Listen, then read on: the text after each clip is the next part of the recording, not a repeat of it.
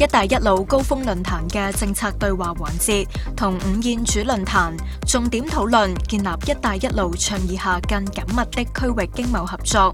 主讲嘉宾之一嘅菲律宾贸易及工业部助理部长 Angelo Taninco 喺环节结束之后接受访问。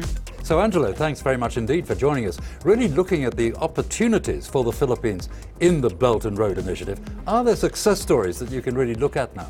Yes, definitely. In fact, uh, one of the success stories that we have experienced in the Philippines would be the increase in terms of the amount of trade and investment that we have seen from China and also from other countries in the region, as well as in other countries along the Belt and Road.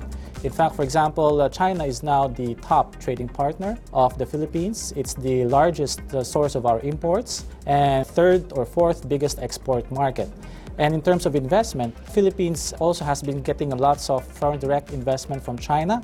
This year, uh, we also have China to be the largest source of FDI. So I think that this has been largely a result of closer cooperation between the two governments of Philippines and China, and that also is partly because of the Belt and Road Initiative. So, how important is it to the Philippines that there is this ASEAN Hong Kong free trade agreement because there are presumably many opportunities along the Belt and Road? I think that is a very important free trade agreement because Philippines is a major member economy of ASEAN. At the same time, Hong Kong serves as a gateway for ASEAN exports going into Hong Kong and also be going into China and other countries outside the region that are on the BRI.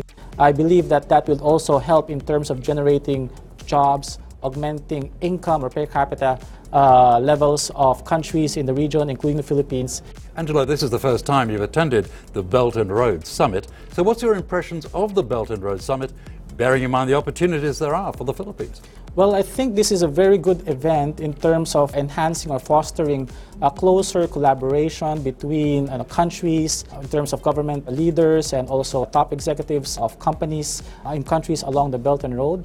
With this closer collaboration and cooperation, this will stimulate more ideas and that will bring about new products that will also foster innovation and technology because right now we are in this uh, fourth industrial revolution and philippines of course would like to be part of this revolution but we need the help of other countries along the belt and road especially the more advanced economies like hong kong in terms of technology transfer